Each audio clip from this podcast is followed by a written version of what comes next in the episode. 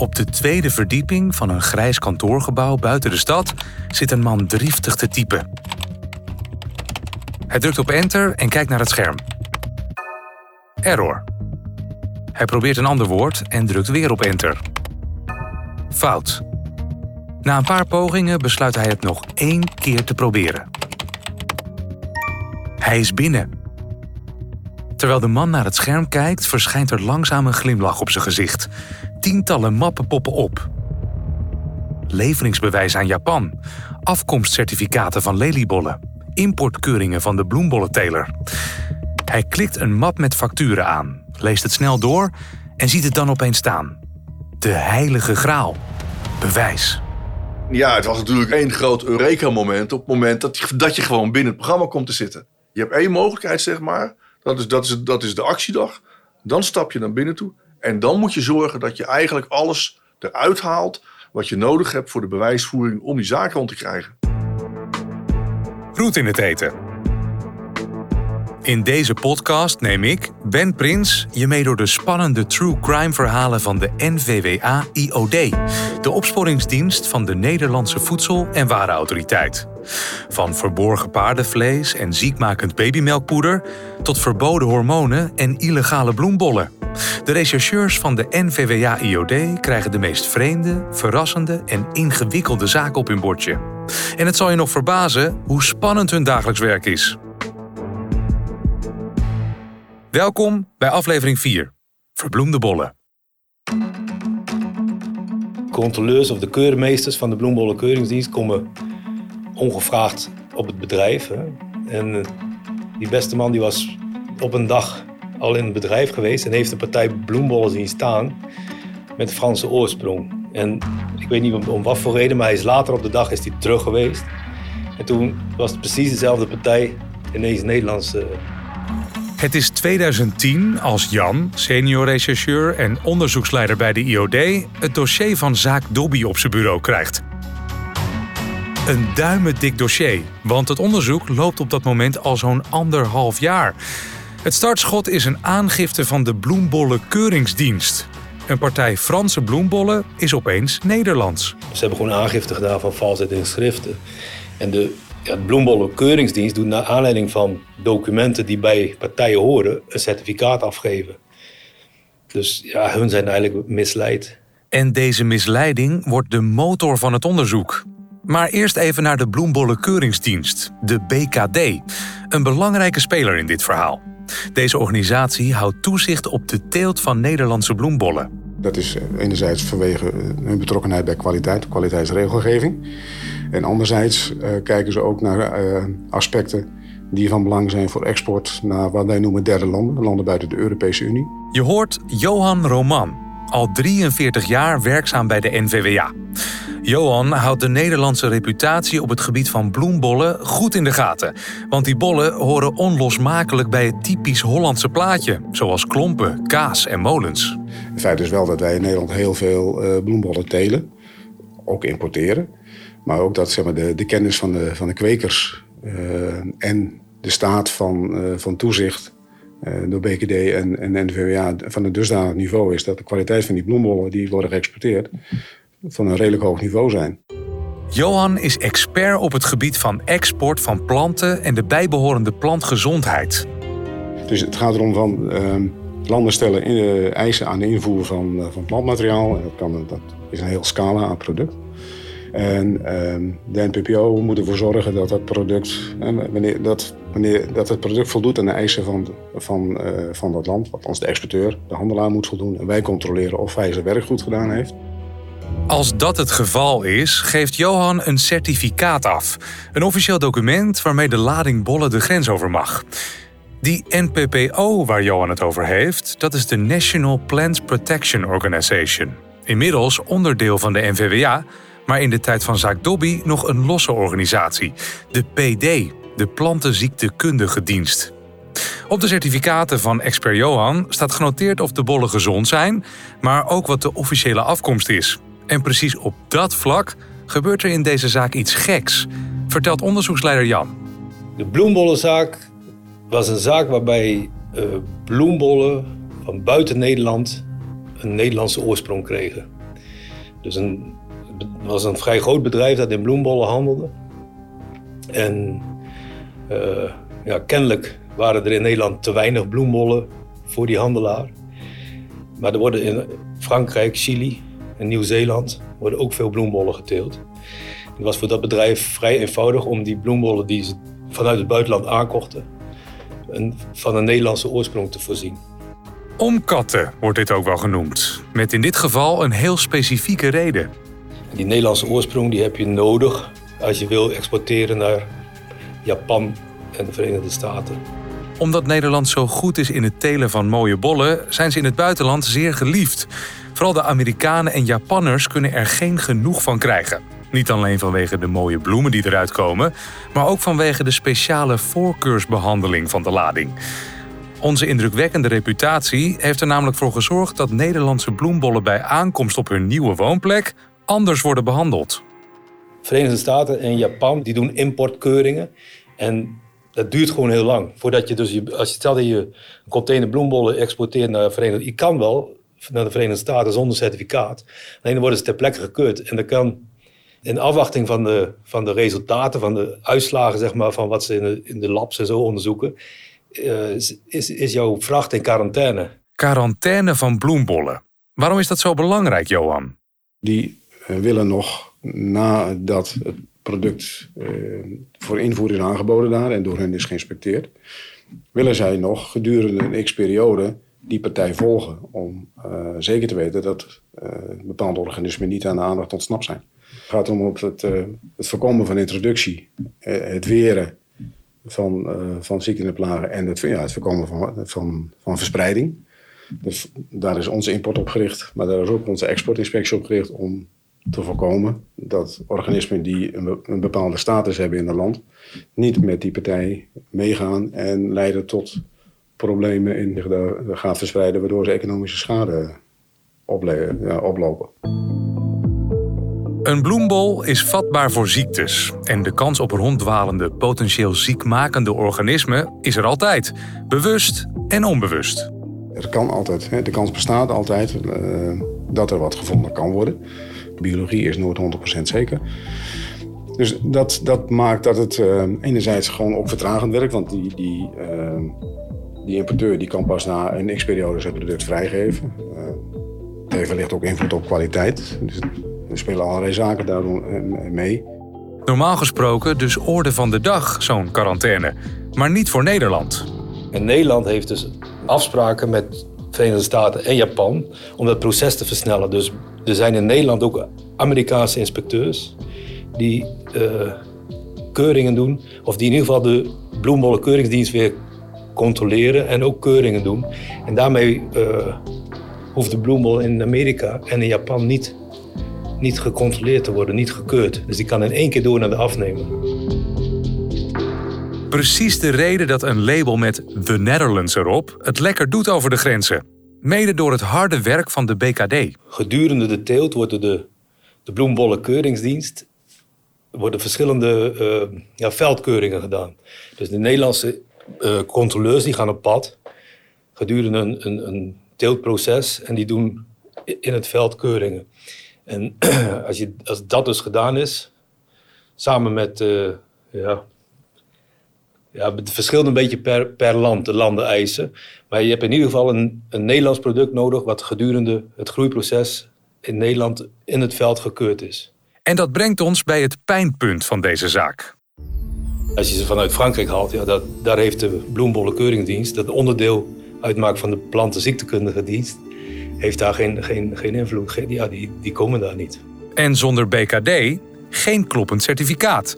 En juist dat wil je als importeur hebben.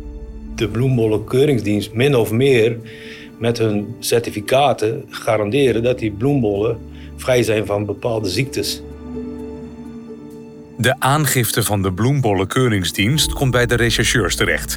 De verdenking bij de aangifte? Het omkatten van buitenlandse bollen naar Nederlandse bollen. Valsheid in geschriften dus. Dat brengt me bij de volgende vraag. Fraude met bloembollen. Daar wordt geen mens ziek van. Hoe erg is het dan eigenlijk? Ja, nou, dat vind, dat vind ik een hele goede vraag. En van tevoren was ik ook over aan het nadenken. En ik kan me heel goed voorstellen dat het voor buitenstaanders is van... ja, hoe erg is het nou dat die bloembol dan niet echt uit Nederland komt, maar uit Frankrijk? En uh, dat zit er voornamelijk in dat het risico's met zich meebrengt voor de plantgezondheid, maar ook voor het natuur en het milieu in uh, het land van bestemming. Dit is Marloes, coördinerend specialistisch inspecteur bij de NVWA-IOD. Marloes en haar collega's kijken naar fraudesignalen en de risico's eromheen. Zoals de toekomstige risico's van zieke bloembollen.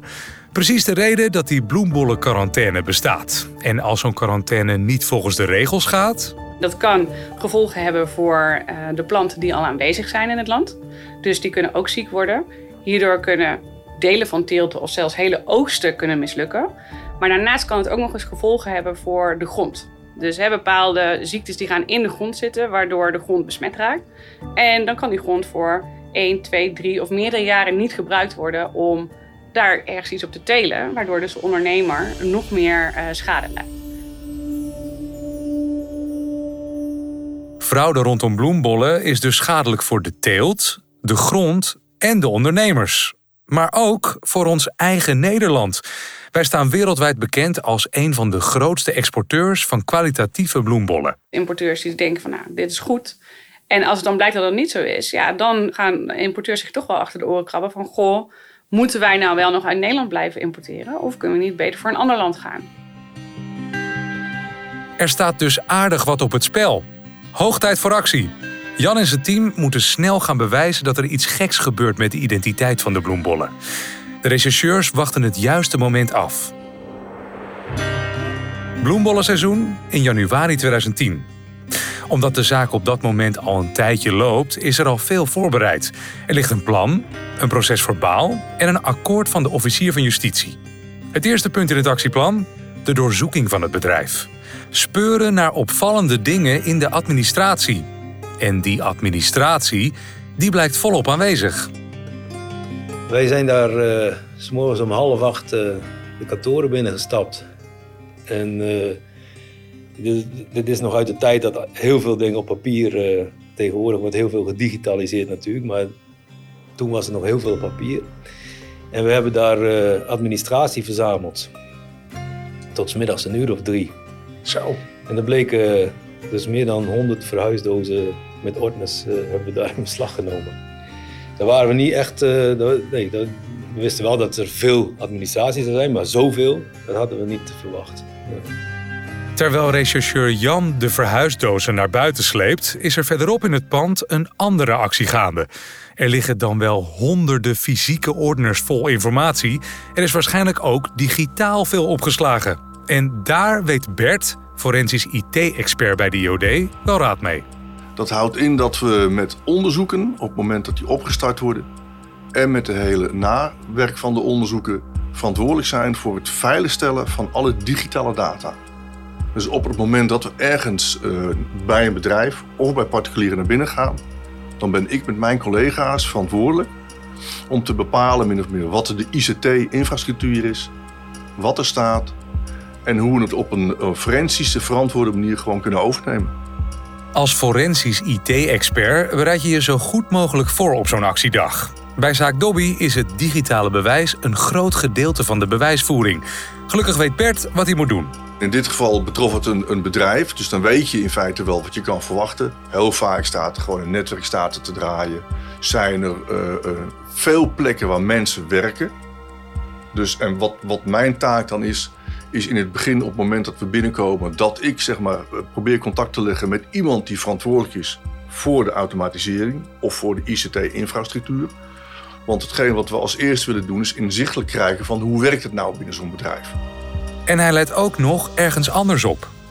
En wat natuurlijk heel vaak vergeten wordt, is dat ook al worden er documenten of data weggegooid, dat we het eigenlijk altijd wel terug kunnen halen.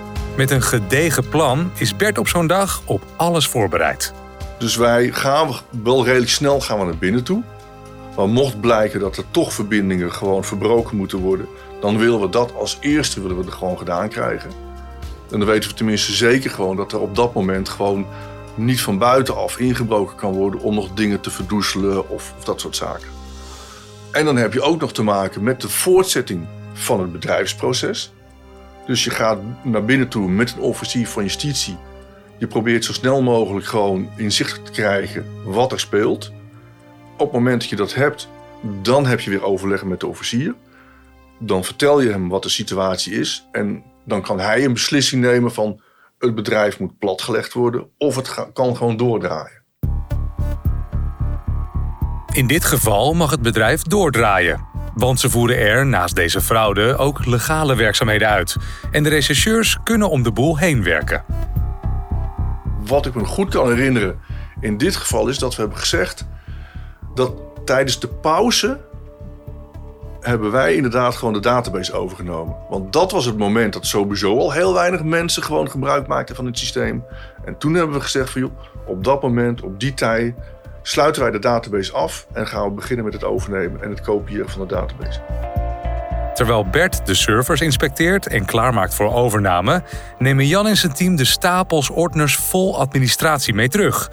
In deze papieren schuilt misschien en hopelijk het antwoord op de vragen: hoe komen de verdachten weg met deze vervalsing? Zijn er neppapieren in omloop, aangepaste cijfertjes, een te ontrafelen werkwijze? En hoe matcht de papieren administratie met de digitale administratie? 100 verhuisdozen met elk minstens 12 mappen. Dat wordt doorspitten. Wij hebben een, een kantoorruimte hebben we gewoon helemaal vrijgemaakt. En, en, uh, kasten, van die kasten met legplanken uh, georganiseerd. Om, om die administratie gewoon fysiek zo weg te zetten. Zoals die ja, een beetje logisch. Ja, vanuit dozen, dozen zoeken is natuurlijk niet, niet te doen, niet overzichtelijk. Tussen al die papieren gaan ze op zoek naar bewijs voor de fraude. En de MO. De modus operandi. Dus de manier waarop, waar, waarop uh, ja, Franse bloembollen dus Nederlandse worden. Bijvoorbeeld of Chileense Nederlandse. En omdat er heel veel documenten bij bloembollen zijn, bij partijen bloembollen. Moet je denken aan een aankoopnota, er is een paklijst bij, uh, ja, bestelling. Uh, er zijn een heleboel documenten bij. Normaal gesproken zorgt de Bloembollen Keuringsdienst ervoor dat zulke lijsten van begin tot eind kloppen.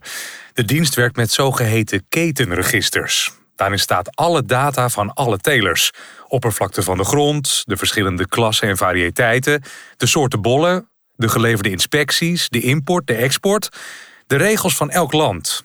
Alles ligt vast. Daardoor is er minder kans op fouten, vertelt Johan. En op het moment dat een partij aangeboden wordt en hij voldoet niet, voldoet niet aan de kwalificaties, dan valt hij niet, niet op groen, blijft hij op rood staan, krijgt hij geen goedkeuring. Dus daar, daar werkt het systeem uh, volgens mij prima. Maar in 2010 wordt er toch een hiaat gevonden in dit systeem. Ten tijde van, van deze casus was het ketenregister nog niet helemaal volledig. Uh, zeg maar, het was toen nog in een soort pilotfase. En dus kunnen de verdachten tussen de regels doorwerken. Goede timing. Of eigenlijk niet voor de BKD. Terwijl er op het kantoor van de IOD uitgebreid wordt gezocht naar de modus operandi, worstelt forensisch IT-expert Bert zich door wachtwoorden, accounts en servers. Hij krijgt hulp van de ICT'ers van het bedrijf. En dan vragen we aan het begin of wij inderdaad of ze een account kunnen aanmaken voor ons. Met adminrechten. En dat wil min of meer zeggen dat we eigenlijk wel alles zouden kunnen bekijken. En alles zouden kunnen gaan doen. En het voordeel daarvan is dat ze hoeven dan ook geen wachtwoord te geven van hun eigen administrator. Eenmaal in het systeem wordt de data gekopieerd. En met de harde schijf vol belangrijke info gaat Bert snel terug naar kantoor voor nader onderzoek. Het is nu zaak vlug te handelen. Het belangrijkste is op het moment dat je terugkomt uh, op het kantoor, dat je het veilig gaat stellen. Je hebt al een kopie gemaakt, maar dan ga je het nog een keer veilig stellen. We hebben hier onze eigen netwerkomgeving draaien met een eigen storage. En dan wordt daar wordt het gewoon op gekopieerd als eerste. De taak van Bert is het inzichtelijk maken van de digitale administratie. Dus hoe wordt alles geregeld? Hoe zien de leveringsdocumenten eruit? Hoe sturen ze facturen uit? En op welke manier worden de bloembollen uitgeleverd? Al snel vindt Bert iets opvallends. Toen zijn we gaan zoeken, want we wisten natuurlijk op een gegeven moment van... Er wordt gesjoemeld inderdaad gewoon met de leveringsnota. De leveringsnota. Dat zijn belangrijke papieren bij de export van bloembollen. Het bewijs van levering, het bewijs van afkomst en het bewijs van een kloppend BKD-certificaat. Vastgelegd in één document. Die stukken willen ze dus vinden. En dat doen ze ook. Wat blijkt? De administratie van de verdachte geeft de rechercheurs een duwtje in de goede richting. Waar Jan verwacht intensief te moeten speuren, krijgt hij het bewijs op een presenteerblaadje aangeboden. Ja, was het voor ons vrij eenvoudig achteraf gezien om, uh, om vast te stellen hoe, hoe, ze, hoe ze te werk gingen in het bedrijf. We zijn daarbij ook een beetje geholpen doordat er één of twee mappen waren waarin uh, setjes zaten waarin precies stond van welke partij, welke Franse partij, welke uiteindelijk dus een soort van was-wordlijst van welke Franse partij werd nou welke Nederlandse partij. Op een van de honderden mappen staat de tekst netpaklijst achterop. Bingo. Hierin staat precies hoe ze te werk gaan. Nou, het, het bleek dus achteraf um, dat de bloemborden min of meer werden omgekat. Dus dan wordt min of meer gewoon de, de, het land van herkomst wordt gewoon verdoezeld of compleet verhuld. En mocht je denken dat dat verhullen een ingewikkeld klusje is waar ervaring en expertise voor nodig is, think again. Je zou denken van wat een, wat een lullige methode om het te doen, maar zeer effectief. Want op de leveringsdata stond namelijk ook het land van import. Nou, wat het bedrijf gedaan heeft, die heeft gewoon met Typex hebben ze dat wit gemaakt. Met Typex? Is dat alles? Vervolgens hebben ze een foto gemaakt van het nieuwe document. Waar dus heel duidelijk niet meer op stond dat het een import was uit een bepaald land. En zoals bij vrijwel alle fraudezaken is de motivatie van de daders ook hierbij weer geld. Op het moment dat de vraag groter is dan het aanbod, dan wil je eigenlijk toch wel je centen binnenhalen. Dus dan verhullen ze op die manier inderdaad gewoon dat de bloembollen niet uit Nederland komen. De heilige graal is gevonden. Toch zoeken ze nog even door naar meer bewijs. Zo vinden ze later nog iets heel belangrijks: de originele leveringsdocumenten, zonder Typex. We hebben op een gegeven moment hebben we dus beide, beide uh, leveringsdocumenten hebben gevonden. Eentje de originele, de echte originele. En het andere waarop niet te zien was dat het uit een bepaald land kwam. Ja, dat, dat, ja, dat is natuurlijk werelds. Maar ook digitaal proberen ze aan meer bewijs te komen. Wat je dan uh, uh, probeert te ontdekken is van... ook een factuur die meegaat... daar moeten dingen veranderd zijn. Dan moet je ook uh, de partij moet je vermelden. Je moet ook het certificaatnummer moet je vermelden. Want daar, daar blijkt ook veel uit het, uit het certificaatnummer... wat door de BKD wordt afgegeven. En toen zijn we gaan zoeken... Samen met een collega van Electronic Data Processing begint voor Bert het echte puzzelwerk. Het heropbouwen van het programma voor de data die ze hebben overgenomen. En die kijken min of meer gewoon naar een programma. En aan de hand van de inhoud en van de, van de programmacode uh, proberen ze te ontdekken of er makkelijk fraude gepleegd kan worden met het programma. De software wordt gedownload. Het installatieprogramma, inclusief alle licenties, wordt erbij gezocht en de opgedane kennis tijdens de actiedag wordt naar boven gehaald. En dan? Nou, dat hebben we teruggebouwd. En het is natuurlijk altijd weer spannend van, gaat het draaien of niet? En in dit geval moet je in feite gewoon naar een, naar een, een URL gaan. Hetzelfde wat je eigenlijk op internet doet met Internet Explorer. En dan krijg je de inlogcode inderdaad gewoon van het programma. Nou, de accounts en de wachtwoorden hadden we ook. En ja, het was natuurlijk een één groot Eureka-moment op het moment dat je, dat je gewoon binnen het programma komt te zitten. Het werkt. Voor zijn neus ziet Bert alle documenten, schema's, cijfers en facturen van het bedrijf. Met een database kan je ook via een achteringang kan je kijken van wat staat er nou in de tabellen. Want het programma zelf is min of meer een grafische voorstelling van de tabellen die erachter zitten. Ja. En hij vond daar inderdaad gewoon wel hiaten. Maar dan moet je nog gaan kijken inderdaad van hoe hebben ze dat nou gedaan als je het programma gebruikt. Want daar zie je dat niet. En op het oog ziet alles er normaal uit. Maar die uitgedraaide printjes matchen niet met wat er in het systeem staat. Het leek allemaal heel logisch, maar toch klopte er iets niet. En um, ja, je, je probeert natuurlijk zo'n programma te doorgronden. En toen zijn we erachter gekomen dat op het moment dat we een factuur zouden gaan printen, Er waren ook wel een aantal opties. En dat zijn min of meer gewoon vakjes waar je een vinkje in kan zetten. Maar er stond nou niet echt bij van wat het zou doen. Dus we hadden zoiets van, nou oké, we maken eerst gewoon, gaan, gaan een factuur uitprinten, kijken wat eruit komt. Dan zie je van, hé, hey, er zijn toch een aantal opties. Wat gaan we doen? Trial and error, besluiten Bert en zijn collega's. We hebben gewoon zo'n vinkje aangezet. Van er moet wat gebeuren. En toen bleek inderdaad gewoon dat er dus in een hele andere, althans een bijna dezelfde factuur uitkwam. Maar met een ander certificaatnummer. En toen hadden we inderdaad zoiets van, oh wacht even. Dus op deze manier zijn ze dus ook nog aan het frauderen. Want op het moment dat je een vinkje aanzet, dan wordt er een opdracht gegeven van nu moet je dit doen en op die plek moet je dat uh, iets, iets vandaan halen. Degene die het vinkje aanklikt, weet dus wat hij doet en wat voor een consequenties die ene klik heeft. In de opdrachtovereenkomst met de softwareontwikkelaar vinden ze de opdracht indirect terug. Zijn de ontwikkelaars dan op de hoogte van die fraude en dus medeplichtig?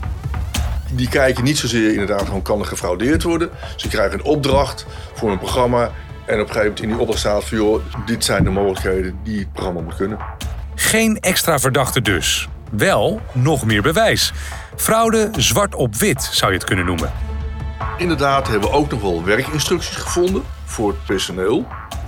Wat ze zouden moeten doen in verband bijvoorbeeld met bloembollen die naar Amerika zouden moeten gaan of wat dan ook. Dus er is inderdaad ook gewoon uh, uh, de aanwijzingen op wat voor manier ze het zouden moeten doen. Zeg maar. Dus eigenlijk gewoon hoe ze zouden moeten frauderen, hebben we ook nog in geschrift gewoon teruggevonden. Beslag gelegd op alle data en administratie? Check. Werkwijze in kaart gebracht? Check. Bewijs zwart op wit? Check. Het veld is geruimd voor een nieuwe speler. Eentje die de laatste zet mag doen. Kijk, in dit geval was ontneming een van de, van de, van de speerpunten natuurlijk, omdat er gewoon ja, veel geld mee verdiend werd. En ja, in dergelijke onderzoek heb je wel een financieel regisseur nodig. Iemand die iets meer cijferkennis heeft dan, dan, dan, dan de gemiddelde regisseur. Het is nu aan Han, forensisch accountant bij de NVWA-IOD. Waar Bert verantwoordelijk is voor het overnemen van data, is Han verantwoordelijk voor het overnemen van geld. Voor het in werking zetten van het ontnemingsproces. Je weet al welke transacties het weer zijn, hoeveelheden, je weet je verkoopprijzen, je weet je inkoopprijzen. Ja, en dan is ontneming is altijd uh, het voordeel wat je dan behaald hebt. Dus dat zijn alle opbrengsten. Dus toen hebben we gewoon gezegd, we pakken al die partijen die omgekat zijn, dan pakken we de uh, verkoop of de opbrengst van minus de kostprijs. Dus dat was. Als je eenmaal weet uh, welke partijen het zijn en, ja, en je hebt je IDP'ers achter de hand, dan is dat allemaal niet meer zo moeilijk. En toen was je rekensom dus zo gemaakt, dat was het? Ja, in principe wel. Ah, ja, ja. ja, en dan ga je vervolgens zeggen, welke kosten gaan we dan wel aftrekken? Gaan we de personeelskosten aftrekken? Dus dan zou je kunnen zeggen, nou mijn omzet is zoveel en ik ga de personeelskosten naar RATO aftrekken bijvoorbeeld. Nou, dat moet je dan weer netjes beschrijven in je rapport en uh, stukken erbij, de jaarrekeningen erbij. Ja, en dat is uh, heel mooi werk. Al kijkt het betreffende bedrijf daar vaak anders naar, volgens onderzoeksleider Jan. En het bedrijf komt met een tegenberekening natuurlijk, want de, je, je, je, je, kunt alleen ontnemen wat er, wat er uh, extra verdient. Nou, hoe moet ik het zeggen? Je hebt opbrengsten, maar de kosten mogen eraf. Ja. Dus de, de, specifieke kosten om de fraude te plegen, die moet van het winstbedrag afgetrokken worden. En dat is natuurlijk een, ja, wel eens niet een spelletje van wat neem je wel mee en wat neem je niet mee. In overleg met het Openbaar Ministerie en haar accountants, juristen en vermogenstraceerders wordt de winst ingeschat en daarmee de ontneming vastgesteld. Han zet hoog in. Ja, het is altijd eerst uh, voor het maximale gaan, uiteraard. Ja. Ik ben altijd wel van het moet wel rechtvaardig zijn. Voor mij is de kunst om de waarheid uh, te rapporteren. En de rechter die gaat dan vervolgens wel zich uitspreken of dat de waarheid is. En of dat, in ons geval is het vaak aannemelijkheid. Hè? Je hebt strafzaken is het wettig en overtuigend. En bij ons is het iets lichter aannemelijk. En Mooi. soms heb je ook heel beperkte informatie. Ja, dan moet je soms ook heel creatief zijn. De drie verdachten, de hoofddader, de algemeen directeur en de financieel directeur worden uitgenodigd voor verhoor. Daar mogen ze een verklaring afleggen. De drie beseffen in de verhoorkamer al snel... die rechercheurs hebben hun werk goed gedaan, want ze kunnen geen kant op. Uh, ja, deze zaak was zo hard. Er is nog nooit iemand vrijgesproken van, van het doen van een bekentenis. En, en ja, de laatste jaren is het ook meer trend om gewoon niks te verklaren. Ook niet als je directeur bent van een groot bedrijf. Maar in dit geval, uh, ja, de zaak was helder. En uh, de directie van het bedrijf wou al in een... Al voordat wij het onderzoek afgerond hadden, wouden ze naar een, een transactie, zeg maar, naar een, naar een schikking, uh, naar een schikking toe. En dat is uiteindelijk ook gebeurd. De zaak komt niet voor de rechter. Maar er is wel sprake van een straf. Nou, het heeft ze een miljoen gekost. Dus ja, ik denk dat ze wel, uh, dat ze er wel van geleerd hebben. En ook de BKD leert ervan. Want waar ze eerst vrijwel geen inzicht hadden in de administratie van bedrijven, is dat na deze zaak veranderd. Naar aanleiding van dit onderzoek is er, uh, zijn er andere afspraken gemaakt waarbij dus een, die, die inspecteurs of, of keurmeesters van de bloembollen keuringsdienst een bredere, dus zelf in de administratie kon gaan kijken. Dat zijn vervolgafspraken geweest. En, en dan is je toezicht gewoon beter. Bert is trots op het werk dat in zaak Dobby is geleverd. Het bijzondere hiervan is dat het gewoon gelukt is om uh, de hele automatiseringsomgeving, althans de hele, voor een groot gedeelte, een cruciale gedeelte, gewoon terug te bouwen op onze eigen locatie. En, en dan weet je dus inderdaad exact gewoon wat die mensen voor hun ogen hebben gekregen. Fraude op deze schaal is gelukkig niet meer voorgekomen volgens de NVWA-IOD. En hoe zit het nu met het vertrouwen van Japan en Amerika in de Nederlandse bloembollen? Het was wel een risico natuurlijk, dat, hè, omdat het ondermijnde eigenlijk de afspraken die er, die er tussen die, de landen waren. Maar wellicht, uh, ja, dat is een beetje afhankelijk hoe het, hoe het verkocht is richting Verenigde Staten en Japan. Kijk, je kunt het ook zo zeggen van nou, als er fraude is, dan zitten we er bovenop en dan uh, brengen we hem aan het licht. Case closed. Bedankt voor het luisteren naar de vierde aflevering van Roet in het Eten, een podcast van de NVWA IOD. De podcast is een productie van Podworks en ik ben Prins. Wil je meer informatie over het werk van de NVWA IOD? Of ben je zelf geïnteresseerd in een functie zoals die van rechercheurs Jan, Bert en Han? Ga dan naar nvwa.nl/iod. Hier vind je alles wat je moet weten, inclusief de nieuwste vacatures. Ook kan je op de website melding doen van fraude. Heb je vragen over de NVWA IOD of over de zaak rondom de bloembollen? Mail dan naar podcastiod.nvwa.nl. In de volgende aflevering duik ik voor de laatste keer in het spannende en uitdagende werk van de NVWA-IOD. Het team rechercheurs van Zaak Jeroek neemt ons mee in de wereld van verboden groeihormonen. Een stofje dat grote gevolgen kan hebben. Een fascinerend onderzoek, inclusief een spectaculaire actiedag met achtervolgingen en afluisterapparatuur. Mis hem niet. Graag tot dan.